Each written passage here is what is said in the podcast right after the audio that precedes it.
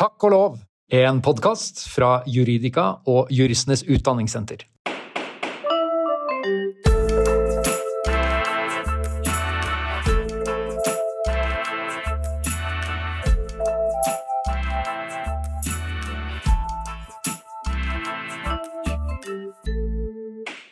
Hei og hjertelig velkommen til nok en episode av Takk og lov, en podkast for deg som lurer på hvordan jussen, og kanskje også juristene, egentlig er skrudd sammen. I dag skal vi snakke om et langt over gjennomsnittet omdiskutert tema, og av veldig gode grunner, vil jeg si. De eh, siste årene, eh, over en god del år nå, så har norsk barnevern vært utsatt for omfattende kritikk i utlandet, og en rekke saker har vært klaget inn for EMD. Det er jo ikke så uvanlig at folk klager inn saker for EMD. Det som er ganske uvanlig, det er at EMD tar dem til etterretning og kommuniserer dem til norske myndigheter. Og det er også sånn at Norge er dømt Nå har jeg mista oversikten, er det kanskje 15 saker? Jeg er faktisk usikker på hvor mange det er per i dag. Ja, ja, eh, dette kommer til å være antageligvis den eneste tingen gjesten vår i dag er usikker på. For hun har nemlig stålkontroll. Jeg kan introdusere deg helt med en gang. eh, Ingrid Lauvås, du er partner i Elden advokatfirma. Du leder barnevernsutvalget i Advokatforeningen, og du sitter også i barnevernsutvalget, som skal styrke rettssikkerheten i barnevernet, som leverer, kanskje når denne episoden blir sendt, akkurat har levert en NOU, tror jeg. Ja. Det er utrolig hyggelig. Takk og lov for at du ville komme, Ingrid. Tusen takk for at jeg fikk komme. Vi skal lure litt på hva i all verden som er grunnen til at Norge har havnet i denne posisjonen her. Eh, og hvilke endringer disse dommene i Strasbourg har ført til her hjemme. For det er jo sånn at vi må jo innrette oss når vi får noen dommer imot oss. Og det er jeg spent på hvordan vi har fått til eh, i lovverket, og kanskje i praksis. Og om det er noen flere endringer på trappene som vi bør være oppmerksom på. For å introdusere gjesten vår, i tillegg til eh, den formelle CV-en, så pleier vi alltid å mm, spørre noen som kjenner dem godt, om de kan bidra med en, en språkrådstilpasset fun fact, altså et artig faktum. Og det artige faktumet vi har fått om deg, eh, Ingrid, det er at det er et uttrykk som heter å ta ein Ingrid. Og det handler altså om at man eh, eh, Hvis man ser at en skiløype er for dårlig lagt opp der hvor den er kjørt opp spor, så går, tråkker man spor på tvers for å finne den korteste veien. Ja. Har dette overføringsverdi til resten av livet ditt? Det har kanskje det. Jeg har litt utfordringer med når en bruker mye tid på ting som kan ta kort tid. Ja, så litt du, utålmodig. du syns jeg ble, ble litt lang i den innføringen her nå? Mulig. Mulig. Ja. ok, det er bra. Du er ærlig. Du bruker ytringsfriheten din. Det står Det liker podkastverten godt. Eh, ok, eh, vi skal over til eh, ukens tema. Barnevern. Eh, barnevernssaker i EMD. Kan ikke du bare kort eh, tegne og forklare litt dette landskapet som noen av oss har hørt om, og noen har hørt litt sånn eh, vagt om og ikke har helt oversikt over, og noen sikkert har stålkontroll på, men for oss andre. Hva må vi vite? Når startet denne bølgen? Hvor mange saker er det sånn cirka? En må jo på en måte ta med litt av historikken for hvorfor vi havna der vi er i dag, da. Ja, å, fint. Begynn med historien. Ja, og det er jo sånn at Norge ble jo dømt i EMD i 1990-tallet òg, på Adele Johansen-saken. Adele Johansen, den tror jeg kanskje vagt jeg husker fra, fra studiet. Hva handlet Adele Johansen-saken om? Den handla om ei mor som ble fratatt barnet sitt ganske umiddelbart etter fødselen. Eh, og så ble det ganske så kutt i kontakt. Omsorgsovertagelse, lite samvær. Ingen samvær. Etter hvert så tok de fra henne foreldreansvaret. Den Ja. gikk inn til EMD, og så sier EMD på det tidspunktet at eh, enhver på en måte omsorgsovertagelse skal ha gjenforening som målsetting. Sant? Da skal en jobbe for at barnet skal komme tilbake igjen. Ja, så, og her er vi kanskje ved kjernen. Bare sånn at vi har jussen sånn noenlunde for oss. Nå er vi i Den europeiske menneskerettighetskonvensjonen. Vi er i artikkel 8, som verner privatlivet. Stemmer? Og den verner privatlivet til egentlig to parter her. Det er både barnet og foreldrene. Ja. Og så kan en utvide til fosterforeldre òg i seinere tid, men ja. Eh, Ja, for der kommer det også inn et problem, selvfølgelig, når dette men- barnet er plassert et annet sted. Nettopp. Men akkurat nå snakker vi om foreldrene og barnet, ja. Ja. Mm. Og da eh, omsorgsovertagelse. Hva er det som skal til eller, eh, når du da blir flyttet ut av hjemmet ditt som lite barn? Hvorfor skjer det? Da etter loven så skal det være alvorlige mangler, enten i praktisk eller emosjonell omsorg. Og så har du jo i tillegg noen regler som gjør at det er på en måte minste inngrepsprinsipp. Du skal ikke gripe mer inn i, i familielivet da, enn det som er nødvendig. Så hvis du kan avhjelpe det med hjelpetiltak i hjemmet, så skal du heller gjøre det. Nettopp. Og da, nå er vi inne i den delen av EMK-jussen som noen kanskje ble mer kjent eh, med gjennom pandemien. Hvor hvis man skulle gjøre inngrep i menneskerettigheter, så måtte man ha hjemmel i lov, og så måtte man forfølge et legitimt formål, men så måtte det også være proporsjonalitet eller forholdsmessighet. Stemmer. Og i den forholdsmessighetsvurderingen så er dette minste inngrepsprinsippet en slags rettesnor. Hvis det kan oppnås med mindre inngripende midler, så er det ikke forholdsmessig. Stemmer. Ok, um, men hva er det som gjør at Norge har en annerledes tilnærming til disse spørsmålene enn andre europeiske land, da?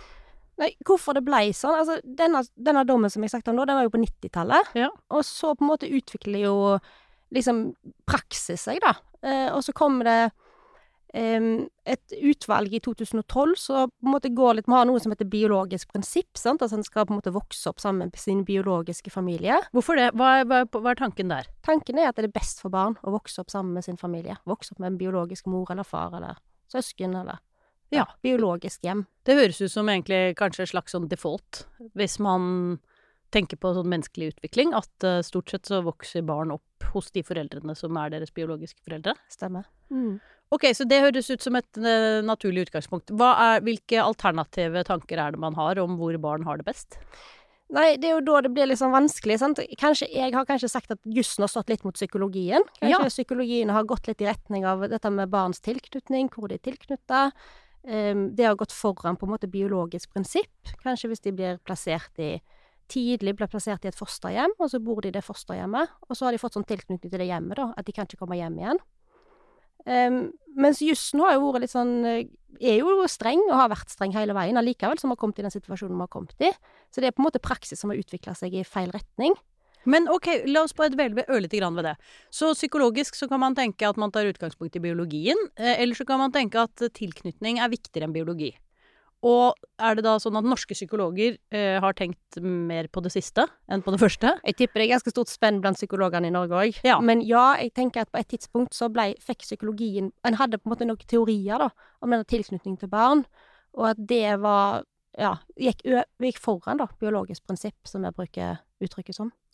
Dette har jeg av og til lurt på. Um, da vi gikk på jussen, og fremdeles med studentene, så lærer vi jo ikke så veldig mye om vitenskapelig metode utover den rettslige metoden. Altså den rettsdogmatiske metoden, og eventuelt noen andre liksom, måter å kritisere eh, gjeldende rett på. Men det vi ikke lærer så mye om, det er jo andre vitenskapers eh, metoder.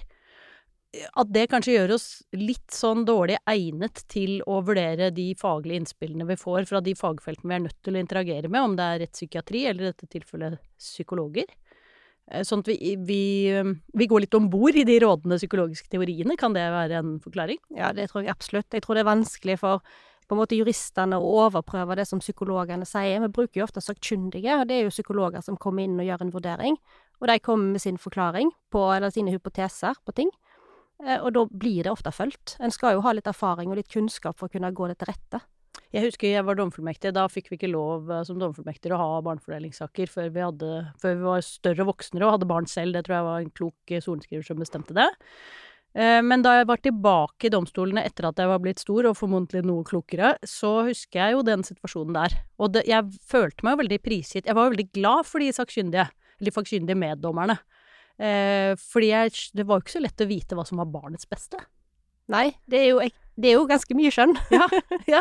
Så det er jo ganske mange momenter som kommer inn i en barnets beste-vurdering. Så Ja. overprøve en sakkyndig er ikke bare bare. Nei. Ok, da, har vi, da skjønner vi litt av bakteppet her. Norge har en tilnærming til hva som er best for barn, som kanskje i noen grad skiller seg fra iallfall noen andre land i Europa. Ja.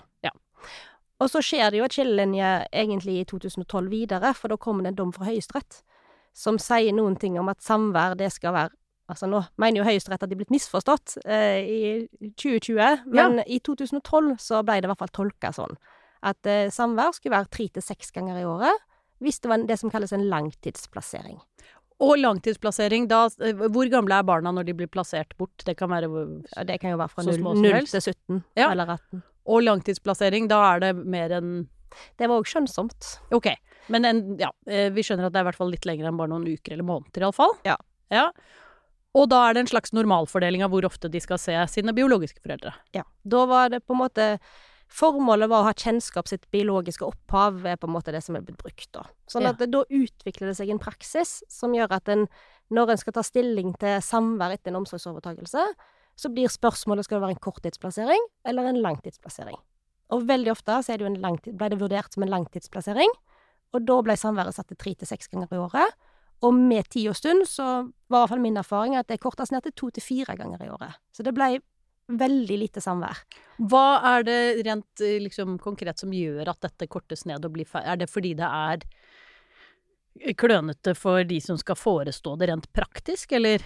Altså, jeg tror nok Jeg tror nok eh, har hatt en litt sånn idé om at biologiske foreldre er litt sånn litt sånn irriterende i bakgrunnen. Ja. Istedenfor å se på dem som en ressurs, så har Ja. på en måte tenkt som det Et et, ja, et uromoment for barna, da. ja. Eh, sånn at det har blitt tolka veldig sånn reaksjoner. En har ikke vært så flink til å legge til rette for samvær. En eh, tenker at det er foreldrene sitt ansvar. En, når en sitter i nemnda, så kan, får ofte foreldrene spørsmål om hva veiledning trenger du, eller hva trenger du hjelp til, og så blir det på en måte opp til foreldrene, da, som kan være ganske ressurssvake, og komme med forslag. Eh, Så det utvikler seg litt sånn at ja, ja, de skal nå få disse samværene, og så sitter barnevernet kanskje og skriver notat, og så registrerer du på en måte reaksjoner hos barnet, og da ligger det liksom ikke til rette for at du skal trappe opp det samværet etter hvert. Det er ikke sikkert reaksjonene hos barnet blir så positive heller, hvis eh, innstillingen og hele rammen rundt er at dette er et ork. Overhodet ikke. Nei. Og det som går på liksom reaksjoner hos barnet, sånn forskjell mellom det som heter med savn, eller om de reagerer på andre ting, traumer Det er jo vanskelig, vanskelig vurderingstema. Mm. Men når det er så få samvær, så skjønner jo alle og enhver at en bygger ikke opp tilknytningen. Nei. Så vi er i en situasjon hvor det er tilknytning som er liksom det gullstandarden. Og så er det kanskje ro for barnet, og ikke liksom altfor opprivende situasjoner som supplerer dette her, da, eller? Ja. Ja. Og så ja. er det i hvert fall min erfaring at etter den dommen fra Høyesterett, så ble det en såpass standard at det ble nesten ikke diskutert, sant, når vi satt i nemndsaker. En sånn nemndsak varer jo ofte en to-tre dager. Og en kunne glemme å stille spørsmål om samvær fra barnevernstjenesten eller fra dommerens side. Bare, Bare ta oss kort gjennom prosessen her. Bare nemnda, hvor, hvor starter disse sakene, og hvor, når kommer de til nemnda? Og så kan de komme til domstolen kanskje etterpå, eller hvordan er det dette henger sammen? Ja. Altså, når barnevernstjenesten vurderer at de skal fremme en sak, så tar de det opp med foreldrene. Ja. Og da skriver de det som kalles en begjæring, der de skriver hvorfor de mener at barnet ikke kan bo hos foreldrene sine. Og det sendes over til det som før var fylkesnemnda, og nå barne- og helsenemnda. Ja. Eh, og så settes det da en dato for en rett... Det er jo ikke en rettssak, det er en- et forhandlingsmøte, men det er på en måte som en rettssak. Mm. Eh, der det er tre dommere, en jurist og en fagkyndig og et alminnelig medlem. Og så er det kommunen på ene sida og private parter på andre sida. Mm. Og så behandles saken der som en rettssak. Ja, akkurat. Uten kappe. Uten kappe, nettopp. Eh, viktig med bekledning i retten. Dette skal vi komme tilbake til. Eh, ok, eh, så man Denne høyesterettsdommen, som Høyesterett da i eh, retrospekt mener at er blitt misforstått, den blir en, eh, en slags litt sånn hvilepute? Ja. Er det det du sier? Ja, absolutt. Ja. Ja. Det blir han, og det, det blir når du sitter der da. Du, en blir ganske sånn frustrert. Jeg har jo bistått veldig mange foreldre, ungdommer òg for den saks eh, skyld, men når du på en måte tar opp spørsmålet, så ble det jo alltid ja, hvorfor, hva er vurderingen bak samvær? Sant? Det kan være små barn, hva barnet kan være seks måneder, ett og et halvt år. Sant? Hva er vurderingen bak samvær? Mm. Kjennskap til biologisk opphav. Eh, Det var en sånn standardfrase som kom. Og så hadde du ikke så mye mer å hente, fordi det har Høyesterett sagt, og ergo så ble det to streker under svaret. Så ble det sånn. Ok, da må vi flytte fokus tilbake igjen til disse sakene i Strasbourg, for det her høres ut som det kan være en sammenheng. Absolutt. Hvordan er den? Altså, det er jo trist at utviklingen har gått så langt, eh, og det er trist at ikke Høyesterett har fanga det opp før. Men når det blir sånn, en standardisering av samvær, for det er det det ble, det ble standard, så havner vi jo da hos EMD, som sier noe om at dette er ikke greit. Nei, for der er det eh, tror jo for så vidt vi er ganske flinke til å foreta konkrete vurderinger i norsk rett også, men i, den, i ganske mange av de sakene hvor vi er blitt dømt i Strasbourg, så handler det jo om at vi i noen grad har standardisert for mye og for, vært for lite opptatt av den konkrete individuelle situasjonen. Vi har ikke lagt opp til at barna kan komme hjem igjen. Vi har ikke bygd opp tilknytningen mellom mor og barn. Nei! Ok, forklar mer om det, fordi det høres jo også ut som det henger sammen med denne tilknytningstanken. Det, det kan jo ikke være noe mål å tilbakeføre barnet hvis det er et mål at de skal være der hvor de har best mulig tilknytning, og alt man gjør for å skape tilknytning er hos de nye foreldrene. Ja, nei. Nei, altså dette er jo en debatt som pågår òg, da, om EMD på en måte tar for mye hensyn til foreldrene sine rettigheter kontra barnet sine rettigheter. Ja. Det er en annen diskusjon, men det som EMD er veldig tydelig på, som de var i Adele Johansen på 1990-tallet, og som de er da når vi kommer nå, er fremdeles dette med gjenforening. Gjenforeningsmålsetningen. At en skal på en måte jobbe for at barna kan komme hjem igjen. Og da må du gjøre på en måte en konkret og tilpassa vurdering av det samværet som skal være. Og du må på en måte ha et nødvendig grunnlag for å gjøre den vurderingen. Ikke sant. Så det er, det er målet langt der fremme, egentlig, som har vært ulikt i Norge. Og Ja. i, ut fra det MD mener burde være målet. Ja, og EMD påpeker jo òg blant annet dette med at en skal på en måte legge til rette for gode samvær, at det er barnevernstjenesten sitt ansvar, at det er ikke foreldrene sitt ansvar. Så en har fått en helt annen innfallsvinkel på hvordan en tenker samvær, enn hva en gjorde for kort tid siden. Ja. Ok, og hvordan Vi er jo ikke så glad i Norge her å bli fortalt at vi har brutt noen menneskerettigheter, for vi har jo Vår selvopplevelse er vel kanskje primært at det nesten vi har funnet opp disse og eksportert disse menneskerettighetene, og på barneområdet så er vi jo i noen grad rett, har vi ikke det? Altså er det ikke liksom noe av oppbygningen i Barnekonvensjonen som nærmest stammer fra eh, norsk rettstenkning på langt tilbake? Godt mulig. Ja, dette skal vi ikke gå i, eh, dypere inn i, men, men, eh, men hvordan har vi reagert? Har vi inn, har vi jo bare eh, gått rett i Forsvaret, eller har vi begynt å gjøre noe for å bedre situasjonen her hjemme? Eh, jeg føler kanskje utad har han gått litt i forsvar, men han har gjort store grep samtidig. Ja, Så en, en, på en måte, det går ikke an å sammenligne nå er vi i 2023, sånn som det var i 2020. men for, fortell meg den, den, den smule dobbeltheten, da. At, hva, hva er det som gjør at vi får inntrykk av at man går i forsvar, men at man egentlig faktisk prøver å gjøre store grep for å forbedre seg? Nei, jeg har ikke fått registrert at det kom noen beklagelse i forhold til brudd på menneskerettigheter. Nei. Um, jeg tenker barnevernstjenestene, denne diskusjonen som går, sant, har vi gått for langt? Er det på en måte foreldrene sine rettigheter kontra barna sine rettigheter? Den diskuterer vi. Mm. Nå diskuterer vi òg, har vi gått i på en måte den andre grøfta? Gir vi for mye samvær? Eh, Den diskusjonen kom jo ganske kjapt. Ja. Så vi har liksom løfta en del problemstillinger som vi tenker er selvfølgelig sunne å ha, men samtidig så må vi på en måte ha fokus på det som det egentlig dreier seg om, da, å skape god relasjon mellom foreldre og barn. Ja, men da høres det ut som i noen grad at den forsvarslinjen eh, er begrunnet iallfall sånn følelses- eller overbevisningsmessig i at man har mer fokus på barnets rettigheter enn foreldrenes. Ja. Ja. Ok. Men, eh, men hva, hva slags grep er det man har gjort som prøver å avbøte dette her, da? Har, vi lov? Praksis? Hva er det vi Vi begynte jo med praksis, en Mhm. praksisendring. Det kom jo noen dommer fra Høyesterett ganske kjapt etter disse avgjørelsene i EMD, hvor de er ganske tydelige på at dette i 2012 det var feil tolka. Ja, Eh, så nå skal vi gjøre konkrete vurderinger.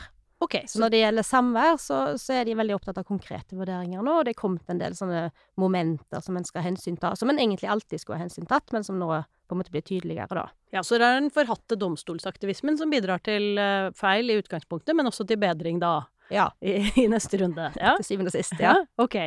Så det er på praksissiden. Og hvor, for Høyesterett er jo ganske kjappe til det når de først blir overprøvd i Strasbourg, og kommer med noen prinsippavgjørelser av og til.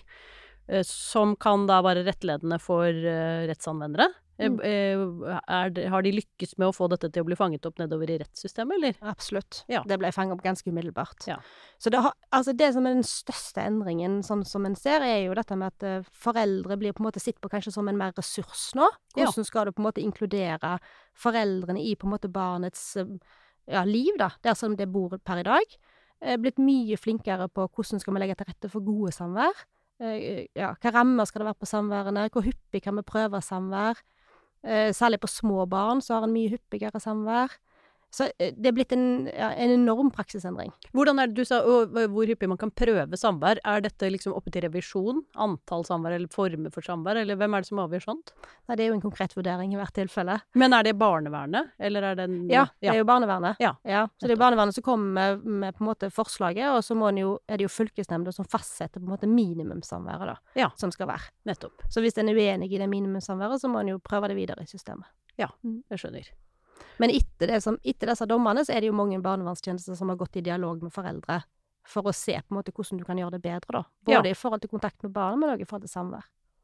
Nettopp. Og ø, lovgiver, da? Har de ø, hevet seg rundt også, kanskje, eller?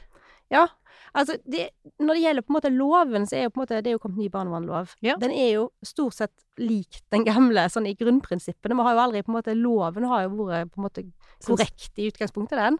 Det er jo praksis som har vært problemet. Ja. Men en har jo presisert en del i den nye loven, da. Eh, I forhold til samvær, eksempel, så er det eh, konkrete liksom, hensyn som skal ivaretas, da. I tillegg til alt det andre som kan komme i den enkelte sak. Ja, vi- sånn, har du noe, altså, nå, nå nevnte du ett eksempel på forbedring. Er det andre ting som måte er lett lettere å forstå, eller er den mer pedagogisk? Er det noe andre løft i den nye loven? Ja, den er jo mer pedagogisk. Ja. Og så er det jo en del hensyn som på en måte kom tydeligere fram. Ja. Som, eh, som ja, innledningsvis i forhold til disse her med barnets beste og barnets medvirkning og en del sånne som er, lett, er tydeligere da, i den nye loven. Så man, er det riktig å tenke at man har gått fra en, eh, en lov som er sånn litt sånn tradisjonelt norsk regelbasert, til å bli litt mer sånn avveiningsmomentbasert ut fra disse hensynene, eller? Ja, en er i hvert fall veldig opptatt av å få alle hensynene i loven, ja. eller utgangspunktene. Eh, og så er det jo mye Det er jo skjønn. Altså, barnevern er jo skjønn, så det er jo helt umulig å på en måte lage rammer for alt. Ja. Men den er mye mer pedagogisk bygd opp, og det er mye lettere å følge på en måte hvordan egen tankegangen skal være, da. Ja.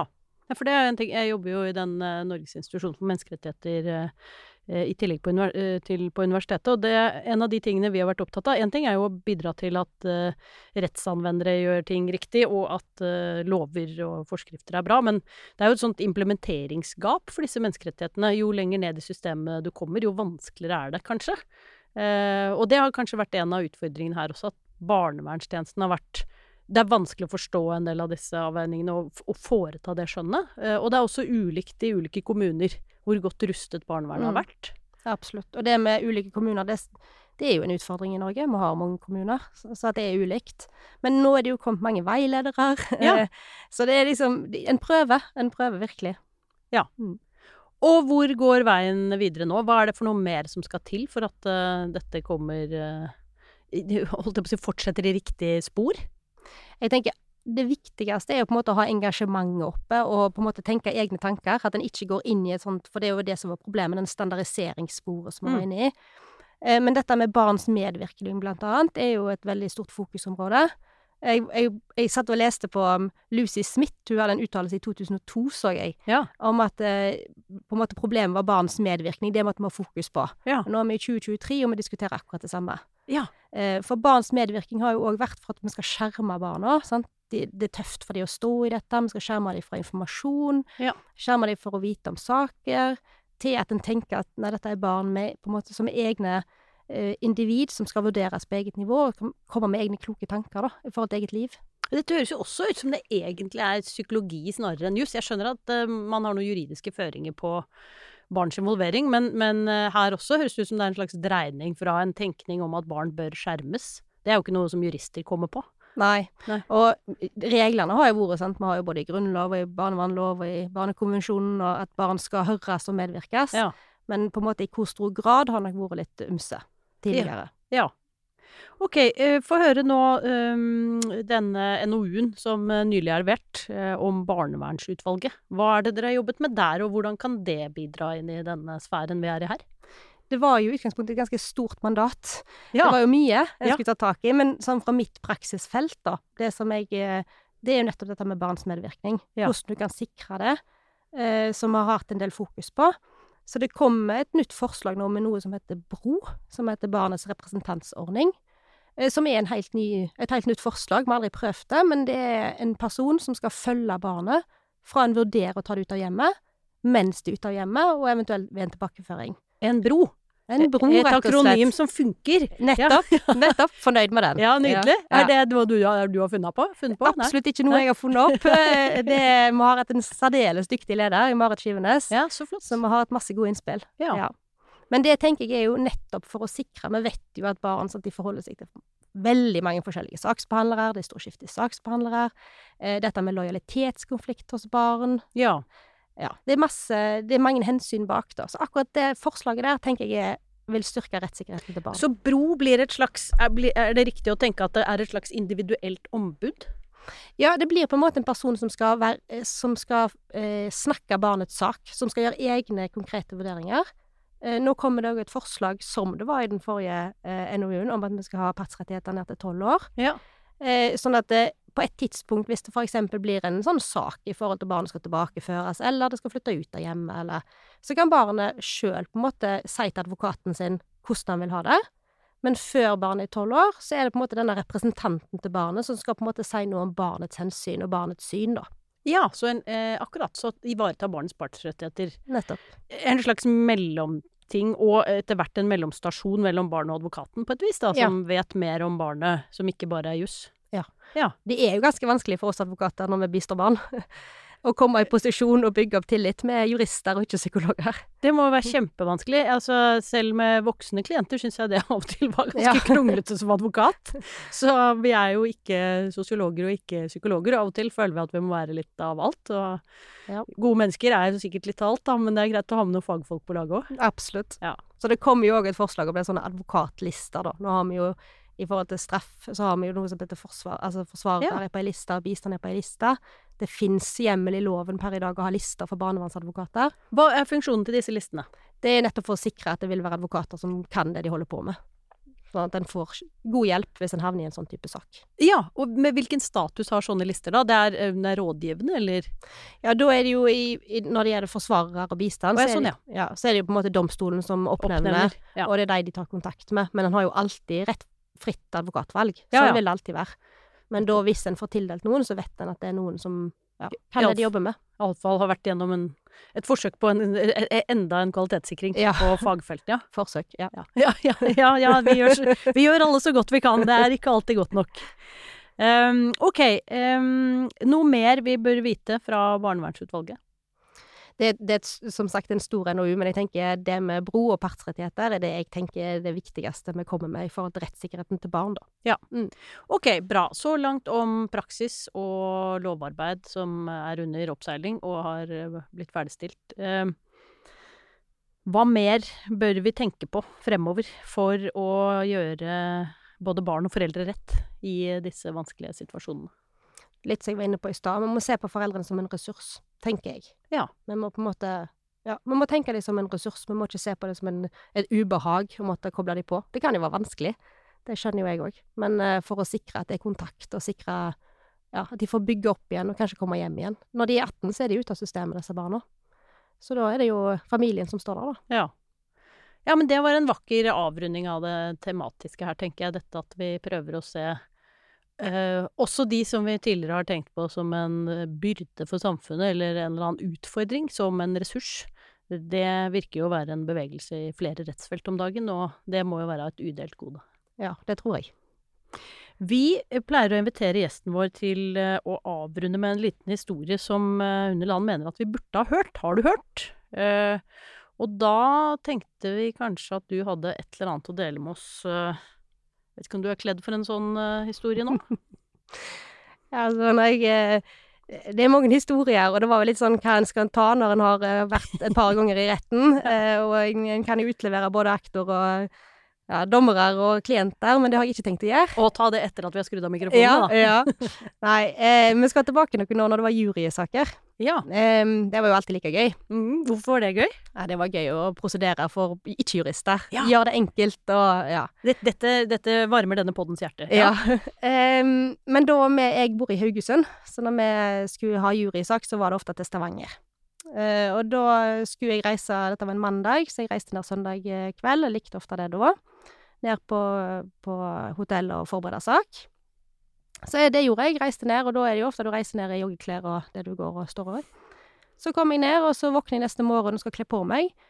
Um, hadde med meg to fine kjoler, og det er jo litt stas å gå jurysak. Mm. Um, og så eh, Det jeg hadde glemt ut, det var at jeg var gravid på det tidspunktet. Det, dette er sånn som man kan glemme i din jobb. Ja, det er absolutt sånn som en kan glemme i min Da, jobb. jeg antar du har det travelt da. Ja. Ja. Eh, og så når jeg skulle kle på meg, så fikk jeg ikke kjolen på meg. Um, og prøvde den andre kjolen, og den gikk heller ikke på. Og fikk jo litt sånn småpanikk der jeg sto. Ja. Tenkte hva gjør jeg nå? Så det som det endte med, var at jeg, jeg tok på meg Jeg hadde sånn strømpebukse, så jeg hadde strømpebukse på meg. Hadde T-skjorte, tok på den på meg, og så hadde jeg vinterjakke. Så gikk jeg i retten, oppe i flott, stor sånn jurysal i Stavanger. Der sto det en rettsbetjent og flirte og lo litt grann, når jeg full fart da skifta fra denne jakka til kappen, som jeg var veldig glad i denne dagen. Og prosederte da i nylonstrømpebukse og T-skjorte. Saved by the kappe. Ja. Dette var Saved by the kappe. Dette minner meg om en av de eh, partnerne i det advokatfirmaet jeg jobbet i riktig gamle dager. Hun var eh, av den gamle skolen og syntes ikke så veldig om sånne korte skjørt. Da pleide hun å spørre de unge fullmektigene som hadde på seg korte skjørt Unnskyld, eh, du, jeg lurer på, du har glemt å ta på deg bukse i dag? Og da følte man Da gikk man ikke så ofte i korte skjørt etter det. Ja, det er godt. Nydelig. Det var en uh, herlig avrunding. Jeg kan se deg for meg. Er det ikke en sånn uh, challenge at man skal ha ingenting under kappen i første sak? Ja, godt mulig. Ja. Da var jeg jo på vei. Ja, ja, Ja. dette føler jeg. Så litt under kappen pluss uh, gravid mage i jurysak. Ja. Meget bra. Har du hørt? Tusen takk skal du ha. Det var utrolig hyggelig at du ville være med oss, Ingrid. Tusen takk for at jeg fikk komme. Og opplyse oss og vårt lyttende publikum. Eh, takk også til dere lyttere som var med oss gjennom nok en episode. Vi høres igjen i neste uke til en ny episode av Takk og lov. Da er det tid for litt reklame. Dagens gjest, Ingrid Lauvås, har skrevet en rekke barnerettslige maler og veiledere som ligger tilgjengelig på Juridika. På Juridika Innsikt finner du også den rykende ferske saken Nytt i ny barnevernlov, skrevet av Lena Bendiksen og Trude Hauglie. Ta en titt på den hvis du lærer, ønsker å lære litt mer om dagens tema. Og med Juss Digital fra Juristenes Utdanningssenter får du tilgang til markedets største portefølje av juridiske kurs. I det abonnementet kan du plukke og mikse fra porteføljen av levende juss, som de kaller det, for de mener at det skal være enkelt å ta vare på sin egen kompetanse. Og med Juss Digital så har du etterutdanningen din akkurat der hvor du er.